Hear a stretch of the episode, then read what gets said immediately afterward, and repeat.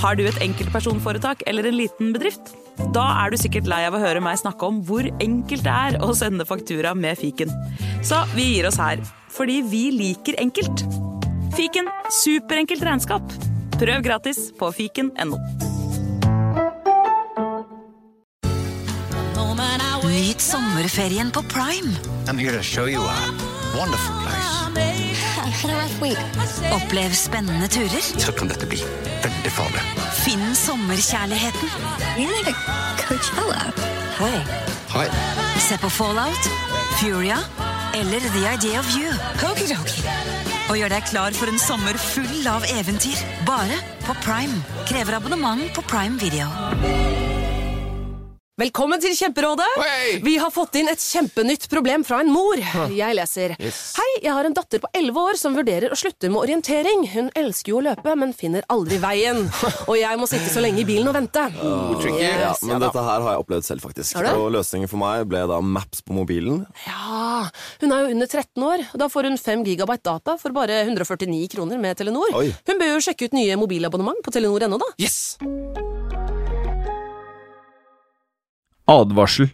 I denne podkasten vil du høre historier basert på informasjon programlederne har funnet selv. Programlederne står ikke nødvendigvis inne for meninger og syn som fremstilles. Noen påstander kan avvike fra virkeligheten.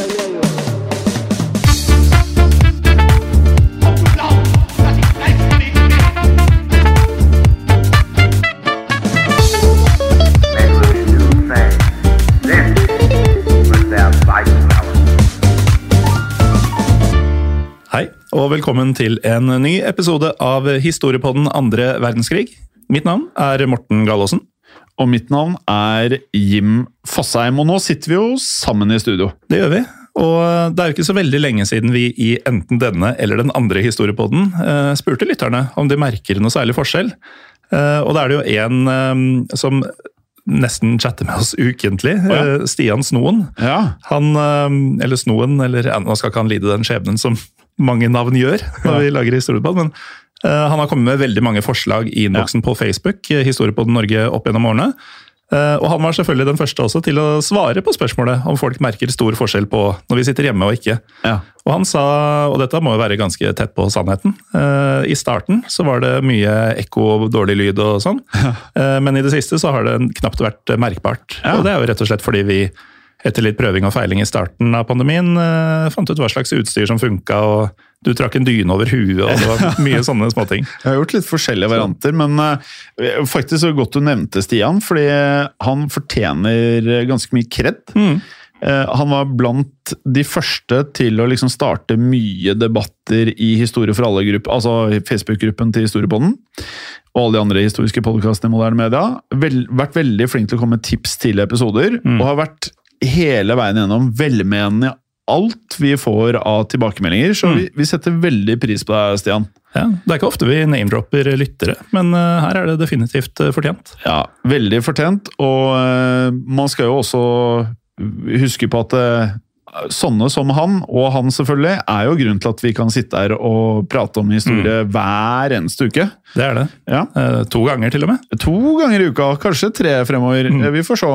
Eh, og nå har det gått eh, litt ordspill fra meg nå, eh, eh, Gallosen, men eh, nå går det jo litt eh, inflasjon, og det er nesten som en pandemi, hvor ofte jeg nå sier at jeg faktisk da har gledet meg til temaene vi skal prate om.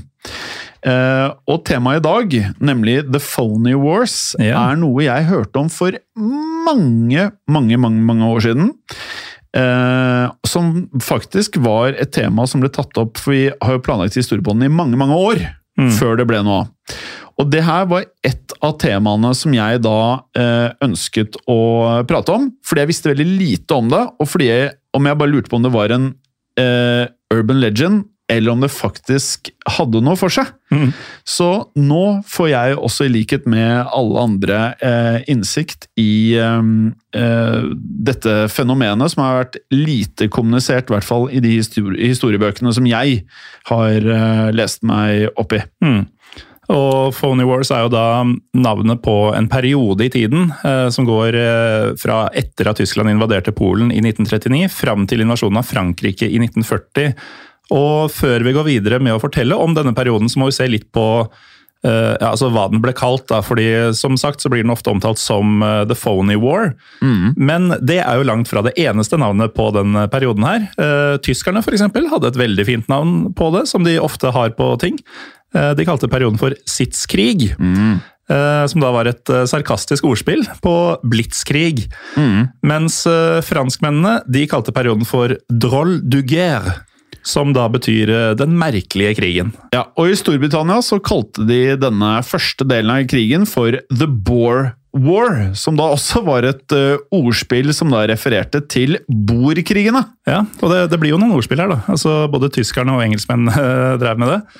Eh, Boer i, uh, i Boer War er da kjedelig krig, men refererer da til borkrigene også. Ja, og ref alle disse navnene på denne perioden, så skjønner man jo veldig kjapt da også at denne perioden bar preg av noe helt spesielt, nemlig stillstand. Mm.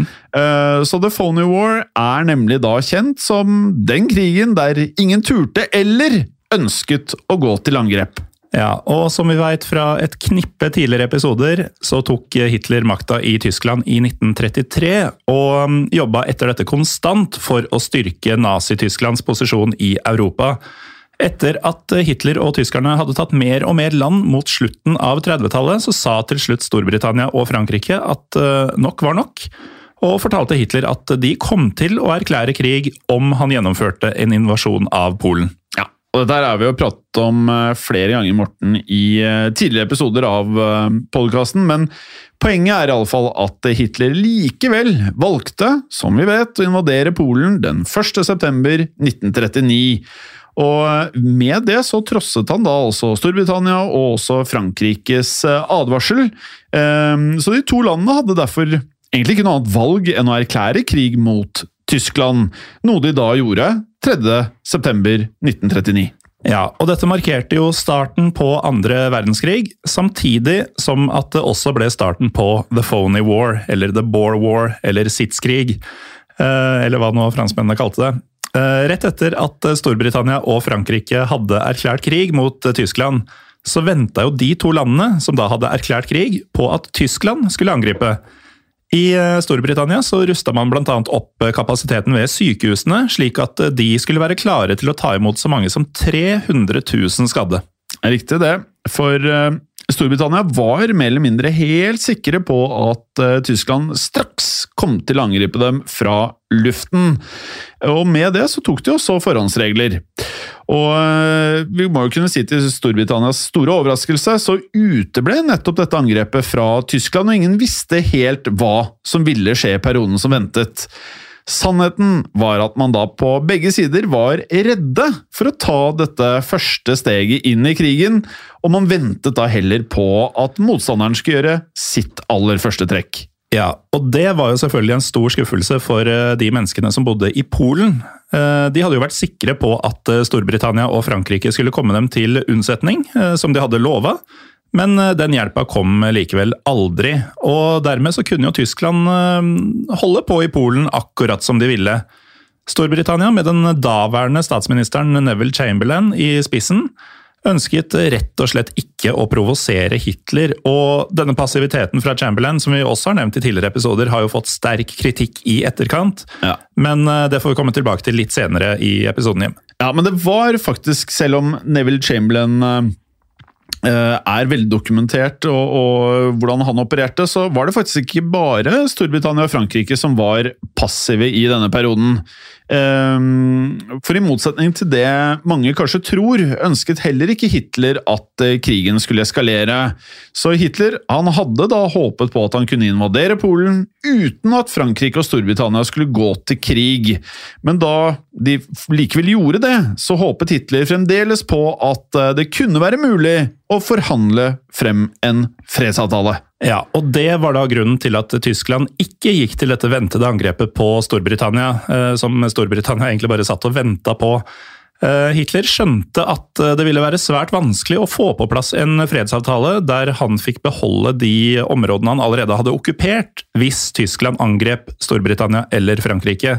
Men selv om krigens første periode Morten, var preget av stillstand på land, kan ikke det samme sies om situasjonen på havet. Nei. For krigen på havet den begynte nemlig allerede noen timer etter at Storbritannia og Frankrike erklærte krig mot Tyskland. Tyskerne de visste nemlig at Storbritannia var helt avhengig av handelsskipene med forsyninger som da seilte over Atlanterhavet, og bestemte seg derfor for å stoppe strømmen av forsyninger. Og det er jo strategisk eh, ikke rart. Ikke veldig rart i det hele tatt. Og bare et par timer etter at krigen offisielt var i gang, så ble det første britiske handelsskipet senka av tyske ubåter. Eh, Dette skipet het SS Athenia, og det ble senket av den tyske ubåten O-30 U-30.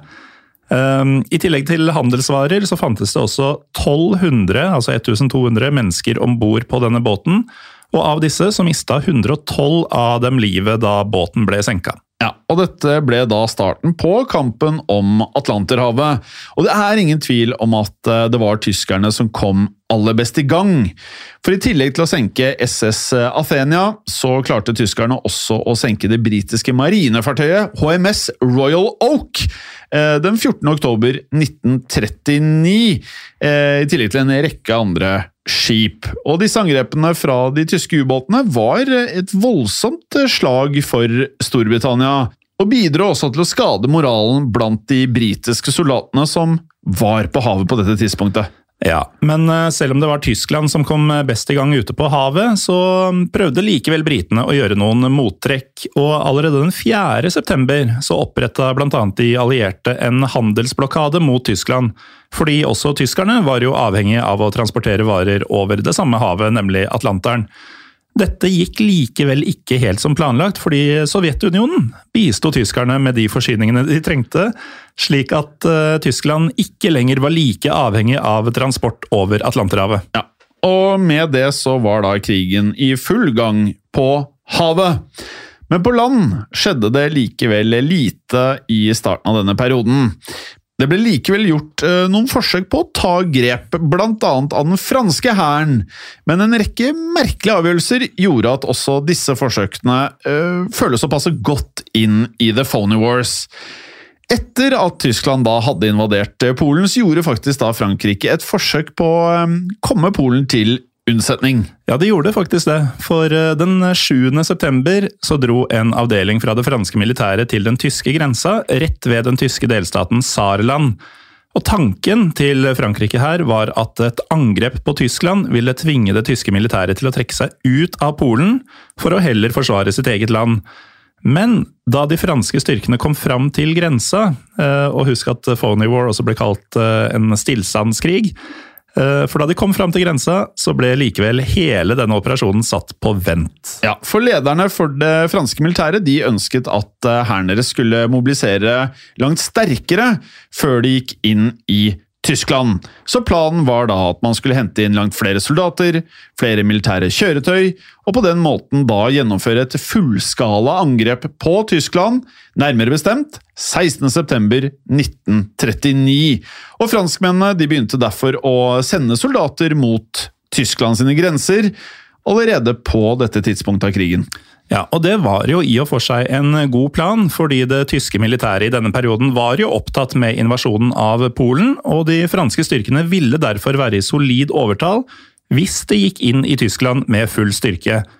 Da den franske hæren da omsider endelig var mobilisert, og de var klare til å gå til angrep på Tyskland, så kom det likevel en kontrabeskjed fra øverste hold. Ja, for mens disse forberedelsene hadde funnet sted, så hadde Frankrikes krigsråd bestemt seg for at Frankrike skulle kjøre en eh, litt annen tilnærming til denne krigen mot Tyskland. For de ønsket ikke lenger at eh, Frankrike skulle være offensive, men heller kjøre en eh, langt mer defensiv tilnærming. De ønsket da altså ikke være de første til å angripe, men heller vente på at tyskerne kom til dem. Og dermed så ble jo da mesteparten av den franske hæren sendt tilbake til Frankrike for å sette opp et solid forsvar ved den franske grensa. Og Det ble også bestemt at de franske soldatene som ble igjen ved Tyskland, de skulle ikke bevege seg nærmere tyskernes grense enn én kilometer. Avgjørelsen om denne defensive tilnærminga føyer seg jo godt inn da i avgjørelsene som ble gjort av de allierte i løpet av The Phony War. Det er riktig, det. Og denne avgjørelsen her, den eh, Det føles i hvert fall som at den eh, kan ha fått store konsekvenser for hvordan eh, andre verdenskrig faktisk da utviklet seg. For etter at krigen da var over, så ble den eh, tyske generalen Siegfried Westphal stilt for retten, og Westphal han hevdet at Tyskland ville falt han i løpet av noen uker! Hvis franskmennene da hadde valgt å angripe allerede i september 1939. Eh, For da var jo, som du da nevnte, den tyske hæren svært opptatt med invasjonen av Polen. Og hvis dette stemmer, så er det jo litt ergerlig! Det må jo kunne være lov å si. Ja, eh, og det er jo nettopp det da, som er grunnen til at eh, både Frankrike og Storbritannia fikk så mye kritikk for Altså etter denne perioden. Mye tilsier da at Tyskland Vi må ta dette Westfall sier med en klype salt, men mye tilsier at Tyskland kunne ha vært stoppa mye tidligere om disse to landene hadde valgt å angripe allerede i starten av eh, krigen, i stedet for å hele tida avvente. Og Frankrikes og Storbritannias passivitet i starten av krigen blir jo også svært tydelig når vi snakker om en av de største hendelsene under The Phony War. Eh, Og den har vi snakka om eh, for flere år tilbake, Jim, i den andre historiepodden. Nemlig vinterkrigen i Finland. Ja, ja, ja. Det har vi prata mye om. Men jeg satt og tenkte på, hvis da dette um, som sier, eller sa, stemmer, eh, så hadde vi kanskje ikke hatt denne podkasten hvis Frankrike hadde gjort det de først bestemte seg for. Nei, um, men jeg lener meg fortsatt på at det ville vært bedre om krigen hadde vart i to uker. Heller ikke noe historie på den andre verdenskrig Ja. enn eh, annen verdenskrig. Ikke sant? For da kunne vi bare lagd historie på den et eller annet annet. Ja. Vikingtiden eller eh, middelalderen. Masse Ja. forskjellig. Mye. Mye forskjellig.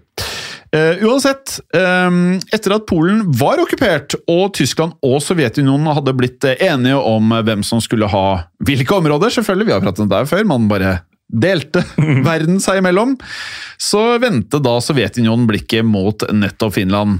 Eh, og Sovjetunionen de ønsket å ta kontroll over flere områder eh, i Finland, og begynte derfor et eh, diplomatisk arbeid for å få Finland til å gå med på å avgi disse områdene. Og det er en ganske sånn vill innstilling at vi skal være diplomatiske for å få masse av landet. Ja. Og ja, det, det er jo ikke noe Finland er eh, spesielt interessert i. Nei, nei, nei. Eh, For det ble annet arrangert eh, flere møter mellom finske og sovjetiske diplomater. Men lite overraskende så førte ikke disse samtalene videre frem. Nei, for det var jo selvsagt eh, fullstendig uaktuelt for eh, finnene å gi fra seg landområder til Sovjetunionen sånn helt uten eh, videre. Og samtidig som at disse forhandlingene da gikk i stå, så diskuterte man i Storbritannia om man skulle gå inn for å støtte Finland i disse forhandlingene eller ikke. Og det tok ikke lang tid før britene bestemte at de ville faktisk støtte Finlands sak. Ja, Men på tross av nettopp dette, så sto Finland i realiteten helt alene i disse forhandlingene med stormakten Sovjetunionen. da. Og etter hvert så prøvde de finske diplomatene å kjøpslå med Sovjet, blant annet med å tilby andre landområder som ikke var like strategisk viktige. Og jeg må jo si, jeg skjønner jo Finland. Eh, men Sovjet på sin side, de nektet jo selvfølgelig å gå med på dette. Og til slutt så skjedde det helt uunngåelige, og Sovjet angrep da Finland. Noe som da ble starten på vinterkrigen, som var den dominerende konflikten under The Phony War. Eh, Sovjetunionens leder Josef Stalin han var overbevist om at eh, det ikke kom til å bli vanskelig å vinne denne krigen mot eh, finnene. Men eh, Finland viste seg jo å være langt mer forsvarsdyktige enn det Stalin hadde sett for seg. Og hvis du nå ønsker, hvis du ikke har hørt på vanlig historiebåten, og du tenker sånn Vinterkrigen, hmm, det kan jeg ikke så mye om. Litt interessert i det. Så er det mye du kan høre på i, i vanlig historiebåten som um, har med vinterkrigen å gjøre. Blant annet vår aller første episode Den aller første episoden, om Simo Heiha. ja, Den hvite døden, Ja, åh. han, eh, han myrda mye russere. Men du, er det sånn Lukter vi en remake av den i denne podkasten, eller? Ja, altså nå Det har jo faktisk vært diskutert flere ganger. Ja. At eh, vi skal ta en eh, ny runde på Simo Heihe. For nå er vi jo blitt ordentlig tørre bak øra Ja. i dette formatet. Ja, og så er det jo sånn at eh, det var ikke lite vi Altså, det var mange ting som vi ikke tok med i episoden om Simo Heie. Kanskje bør jo i denne podkasten Simo Heie være to eller tre episoder, for det er, det er mye å ta her. Ja. Åh, ja, nå ble jeg glad, Ja, nå, egentlig. nå tror jeg nesten vi bestemte oss. Da er beslutningen eh, fattet, Morten.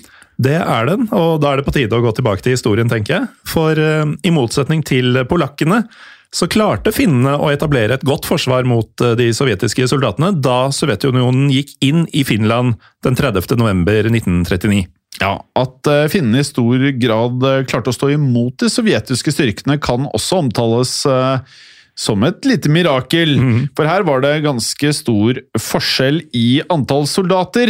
Men det finske militæret hadde også da i lengre tid vært nedprioritert av de finske myndighetene, og var derfor ikke spesielt langt fremme teknologisk hva ankom militærutstyr og våpen. Ja, Men eh, på tross av eh, disse ganske vesentlige elementene i krig, så klarte altså finnene å stå imot de 460 000 sovjetiske soldatene som kom over grensa i november 1939, mye lenger enn noen hadde trodd. Vi, eh, vi tar ikke historien om vinterkrigen her, for det blir jo, altså, det blir jo både egen Simo Hehe-episode, kanskje i flere deler. Mange. Eh, Men sikkert også egne episoder om vinterkrigen ellers også. Mm.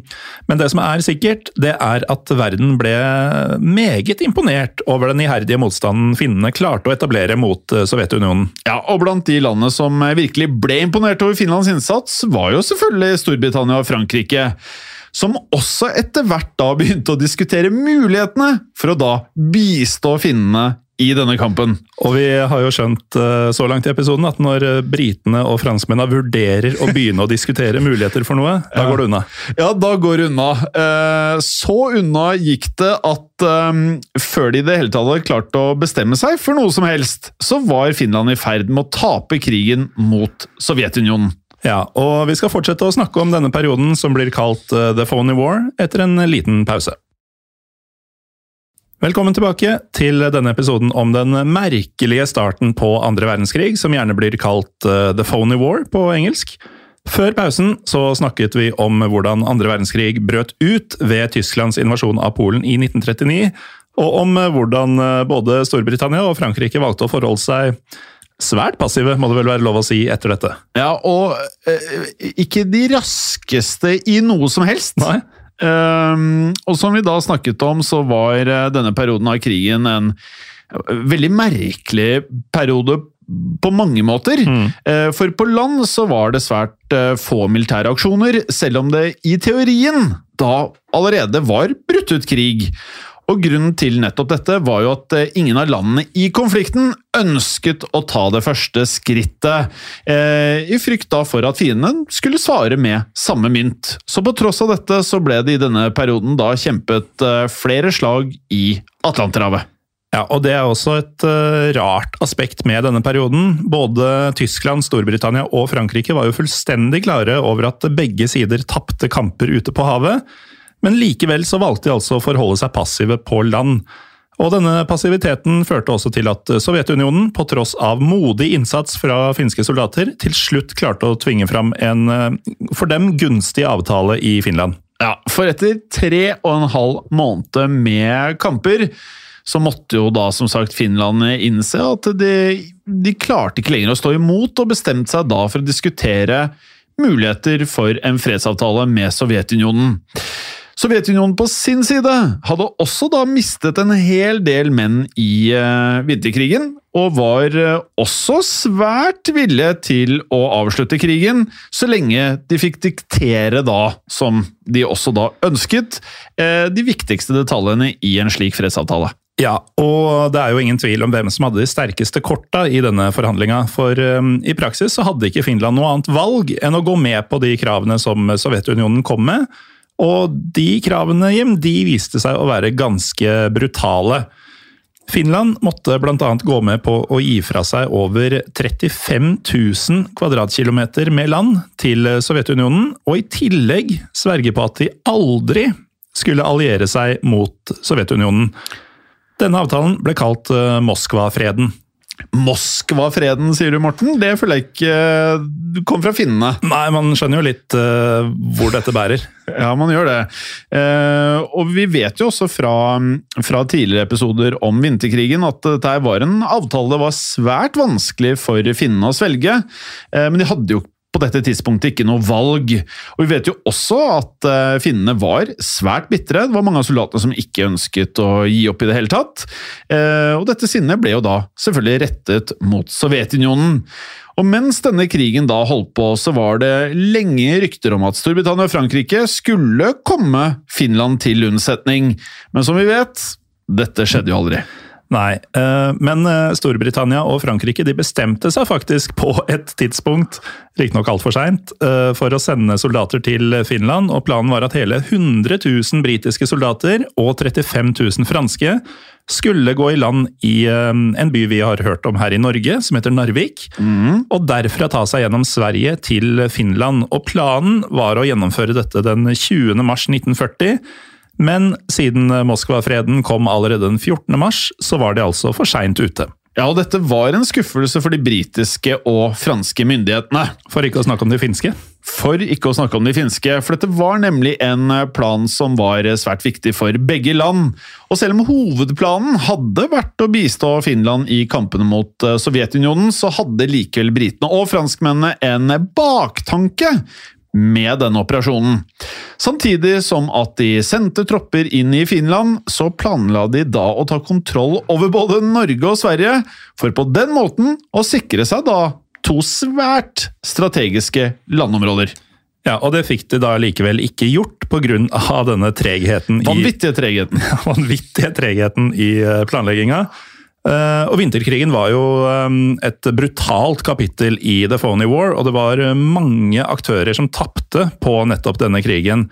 Eh, Men det var likevel ett land som var veldig fornøyd med det som skjedde i Finland denne vinteren, og det var Tyskland. Selvfølgelig var det det, for ikke bare var eh, Sovjetunionen sin hær, altså Den røde armé, blitt svekket, men Folkeforbundet, som da i løpet av vinterkrigene prøvde å legge internasjonalt press på Sovjetunionen, de hadde jo feilet, og mistet da mye av sin troverdighet. Ja, Folkeforbundet for de som ikke vet det, var jo på en måte forløperen til dagens FN, Ja. eh, og ble da satt sammen etter første verdenskrig. Og I tillegg til dette så var krigen et eh, bevis på hvor handlingslammede de allierte var på dette tidspunktet. For verken Storbritannia eller Frankrike hadde klart å gjøre noe som helst. Nei, og vinterkrigen fikk også politiske konsekvenser i både Storbritannia og Frankrike. I eh, Frankrike så ble presset på den sittende statsministeren Edouard Daladier så stort at han til slutt måtte gå av. Folket ønska seg en statsminister som var sterk og handlekraftig, noe det må jo sies at eh, Daladier hadde ikke i veldig stor grad vært det i denne perioden. Eh, Og den samme misnøyen fantes jo da også mot eh, Storbritannias eh, statsminister. Det likte det, for eh, også Chamberlain hadde begynt å få folket mot seg. Eh, Gang etter gang så hadde han da latt Hitler komme lenger og lenger ut i Europa, og selv etter invasjonen av Polen så hadde han fremdeles eh, ikke gjort noe for å stoppe nazistenes fremmarsj. Og etter vinterkrigen var det da mange som ropte på hans avgang, men enn så lenge ble Chamberlain sittende i sjefsstolen. Noe som jo var en drømmesituasjon for Hitler og Tyskland, for moralen innad i både Frankrike og Storbritannia var lav, og det var ingen som turte å angripe Tyskland direkte. Og dette gjorde det jo mulig for Tyskland å gjennomføre det som også var en av de viktigste hendelsene under The Phony War, nemlig Tysklands invasjon av Norge og Danmark. Ja, for eh, samtidig som Storbritannia og Frankrike da diskuterte hvorvidt de skulle sende soldater til Norden, så bestemte Hitler seg for å slå til mot Danmark og Norge. Og før denne episoden her, Morten, jeg visste, eller jeg har, jeg har liksom lest at Storbritannia og Frankrike har vært passive eh, i starten her, men, men eh, akkurat at de var så passive Ja, altså Så gjennomført passive i så mange valg på rad.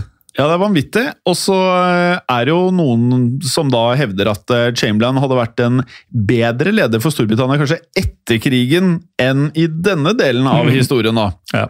Uansett, Storbritannia de hadde jo da et ønske om å ta kontroll over de skandinaviske landene, annet fordi det fantes store mengder jernmalm her, eh, som da Tyskland også var avhengig av. Og dette var jo noe som Hitler var fullstendig klar over, og med det så valgte han derfor å slå til før britene rakk å gjøre noe som helst. Ja, og som vi vet så gikk jo da Tyskland inn i Norge og Danmark den 9. april 1940. Og tyskernes invasjon den gikk jo uten større problemer, men da britene og franskmennene fikk høre om dette, da bestemte de seg for å vise at eh, de hadde lært av vinterkrigen.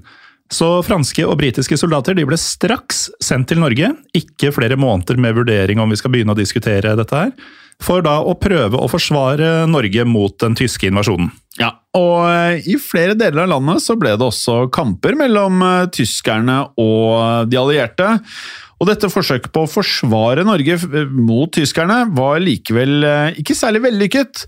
Og kort tid etter 9. april så hadde Tyskland kontroll over store deler av landet. Og på tross av dette så bidro da britene til at flere norske soldater kom seg over til England, og med det kunne fortsette kampen mot tyskerne, som vi har pratet om mange ganger i begge podkastene våre før. Det har vi, men eh, selv om britene hadde klart å redde ut eh, noen viktige personer, så var ikke den britiske befolkninga spesielt fornøyd med tingenes tilstand på dette tidspunktet, og det var heller ikke opposisjonspolitikerne.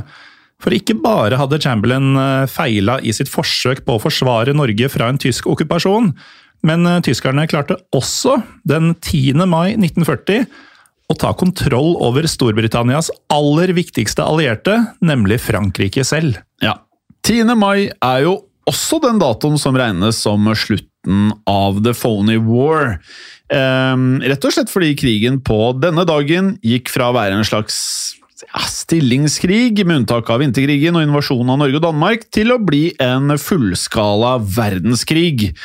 Det er likevel ikke bare Tysklands invasjon av Frankrike som gjør at 10. Eh, mai regnes som slutten på denne passive delen av krigen.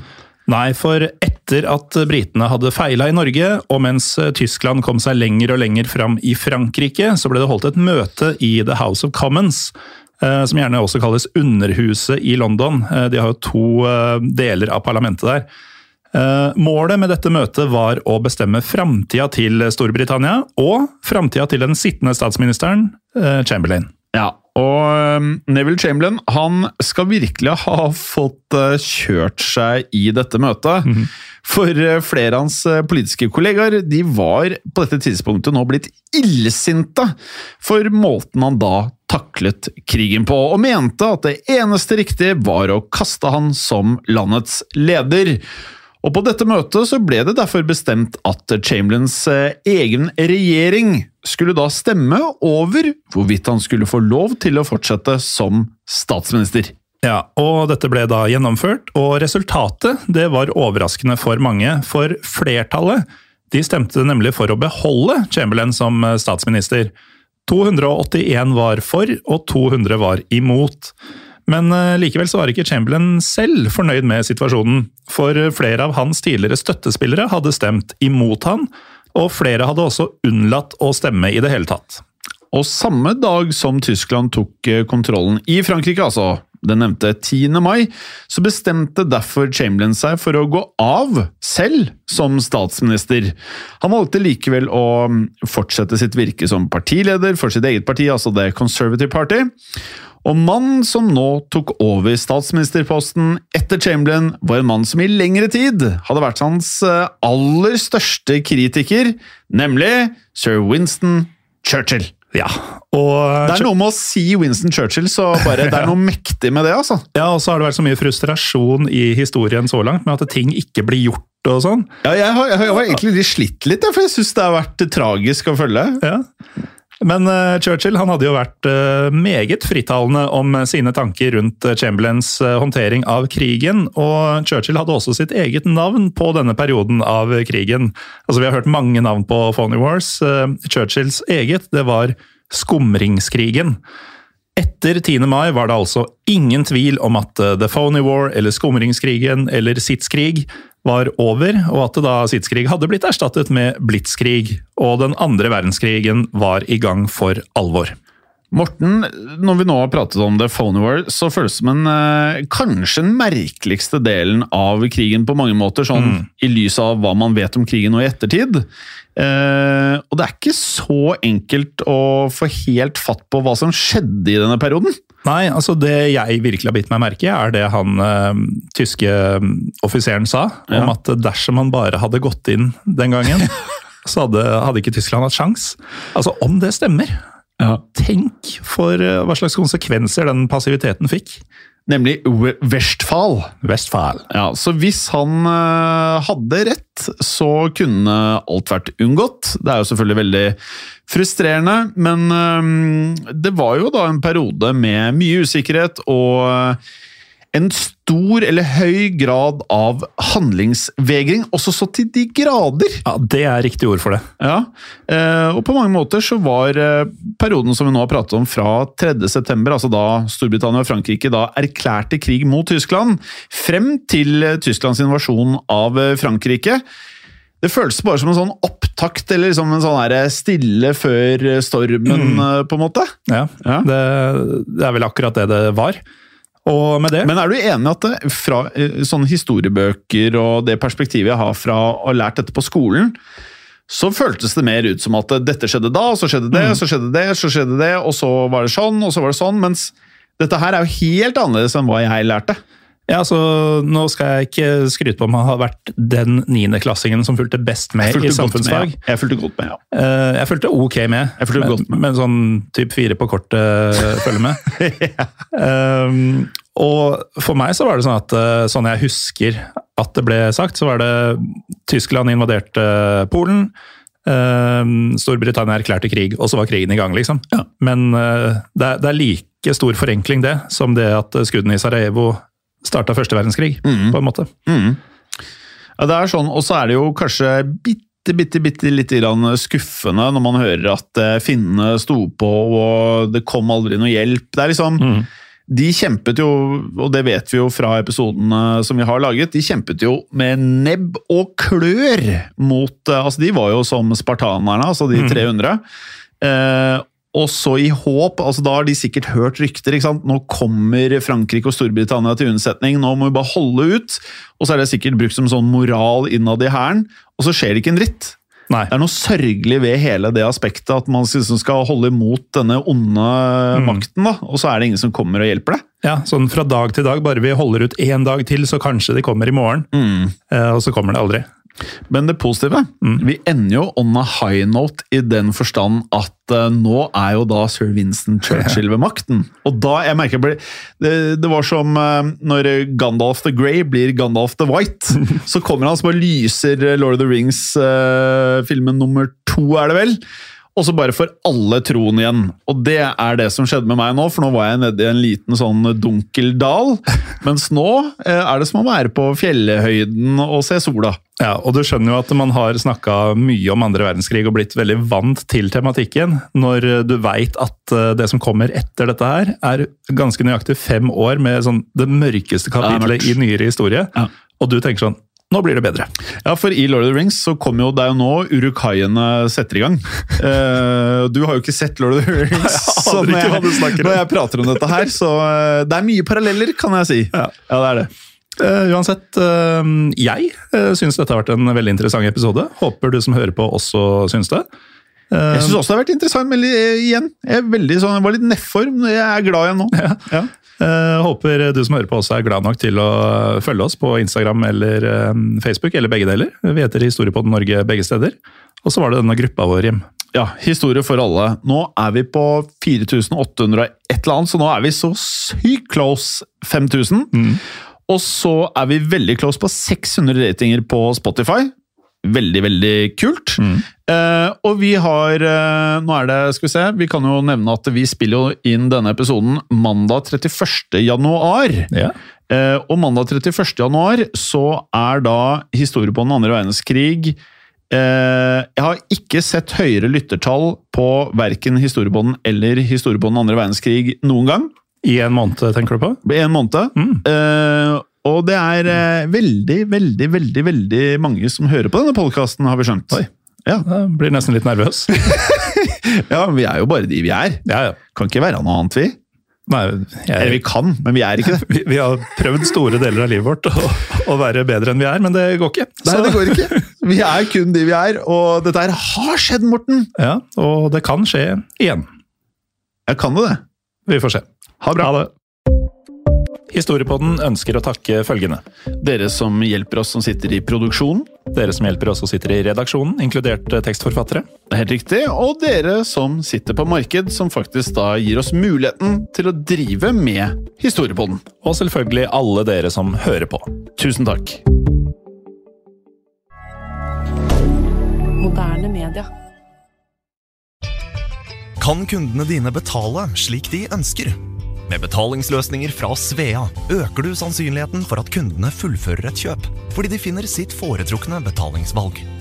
Svea vår jobb, din betalingsløsning. Enklere, raskere. Et godt råd fra Apotek 1. Sola er tilbake, like sterk som i fjor. Og det absolutt viktigste for å unngå forbrenning og solskader, er å bruke solkrem. Hvis du i tillegg bruker et serum med vitamin C under solkremen, kan dette bidra til ytterligere å forebygge ujevn pigmentering, linjer og rynker. Kom innom og få råd på ditt nærmeste Apotek 1, eller chat med oss på apotek1.no. Apotek 1. Vår kunnskap, din trygghet.